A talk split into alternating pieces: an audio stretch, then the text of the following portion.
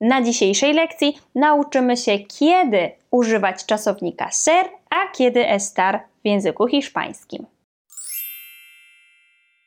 Hola, ¿qué tal? Witajcie na kolejnej lekcji hiszpańskiego. Tak jak już wspominałam, dzisiaj uczymy się rozróżniać czasownik estar i ser.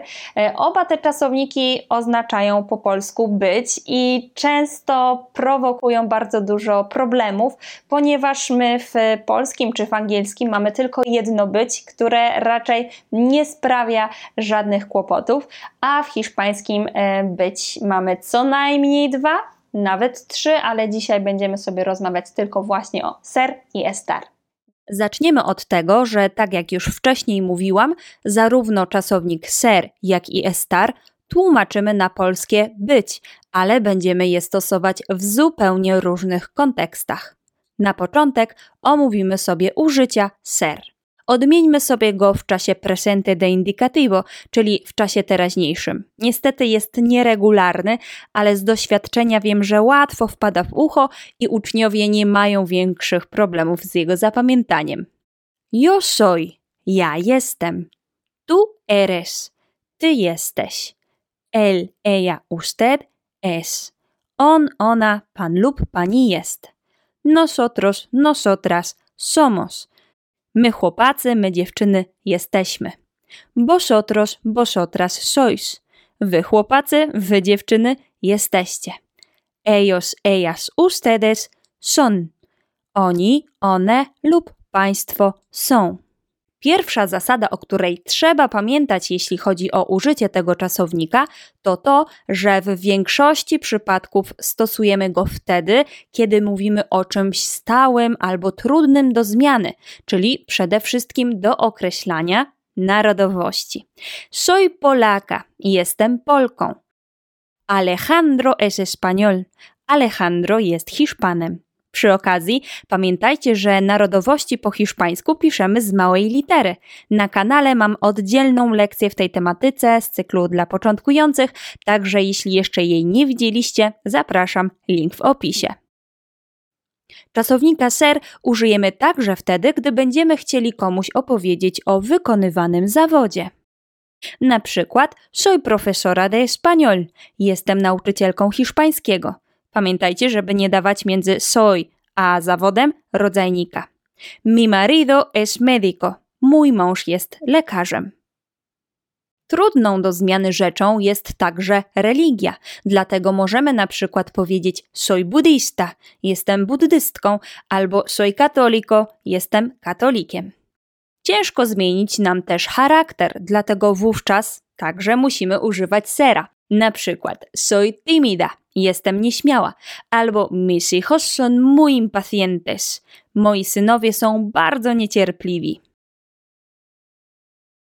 To samo dotyczy wyglądu. Choć łatwiej jest nam go zmienić, to zawsze wymaga to z naszej strony większego wysiłku. Na przykład przefarbowanie się z brunetki na blond wymaga wielu godzin u fryzjera.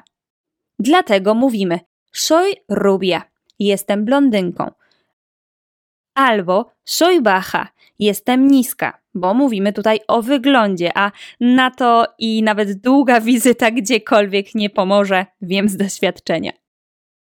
To samo tyczy się rozmiarów i materiałów. Do ich opisu również musimy używać czasownika ser. Na przykład, esta casa es muy pequeña. Ten dom jest bardzo mały. El bolso de Laura es de cuero sintético. Torebka Laury jest ze sztucznej skóry. Co ciekawe, sera możemy używać także do podawania godzin, dat czy nawet wydarzeń. ¿Qué hora es? Która godzina? Son las ocho de la mañana. Jest ósma rano. ¿Qué día es hoy? Jaki dziś dzień? Hoy es lunes 22 de marzo. Dziś jest poniedziałek 22 marca. Lekcja o dniach tygodnia również jest na moim kanale, zostawię link w opisie. La conferencia es en el aula 5. Konferencja odbywa się w sali numer 5. To ostatnie użycie dotyczące wydarzeń może być o tyle mylące, że do lokalizacji, o czym zaraz powiem, używamy z reguły estar, ale w tym przypadku akurat ser będziemy właśnie tłumaczyć jako odbywać się, I mimo, że poprzednie zdanie rzeczywiście w jakimś sensie odnosi się do lokalizacji, to jednak ser może zostać użyty. Ale właśnie, jak już doszliśmy do czasownika estar, zaczniemy sobie od jego odmiany także w czasie teraźniejszym. Yo estoy, tú estás, él, ella, usted está. Nosotros, nosotras estamos, vosotros, vosotras estáis, ellos, ellas, ustedes están. Tutaj użyć będzie nieco mniej, ale są one nie mniej istotne. Przede wszystkim zapamiętujemy, że estar używamy do określenia czegoś, co się zmienia, czyli na przykład naszego samopoczucia. Estoy triste, jestem smutny, smutna. Estoy ilusionado, jestem podekscytowany, cieszę się. Dodatkowo estar używamy, kiedy mówimy o jakiejś konkretnej lokalizacji danej rzeczy. Podczas nauki często przyjdzie go nam rozróżniać z czasownikiem haber, czyli I, ale to temat na inny odcinek. Na razie skupmy się na podawaniu dokładnej lokalizacji jakiejś rzeczy albo osoby. El sofá está al lado de la mesa. Kanapa, sofa jest obok stołu. Estamos aquí desde ayer. Jesteśmy tu od wczoraj. Mis hijos están en la escuela. Moje dzieci są w szkole. I ostatnie użycie stara, które Wam przybliżę, związane jest z pozycją, którą przyjmujemy. Na przykład estoy sentada, siedzę, jeśli mówi to dziewczyna, lub estoy sentado, jeśli mówi to chłopak. Znacie jeszcze jakieś użycia ser i estar? Jeśli tak, dajcie znać w komentarzu. Na koniec prezent, który ułatwi Wam naukę. Tym razem będą to dwie interaktywne minigry, dzięki którym zapamiętanie zdań z lekcji pójdzie raz dwa. Linki do nich znajdziecie na agatauczy.pl łamane na skarby. Bieżące hasło dostępu do tej strony znane jest wszystkim moim newsletterowiczom. Jeżeli jeszcze nie jesteście zapisani do mojego newslettera, koniecznie musicie to nadrobić. Wystarczy wejść na agatauczy.pl łamane na newsletter.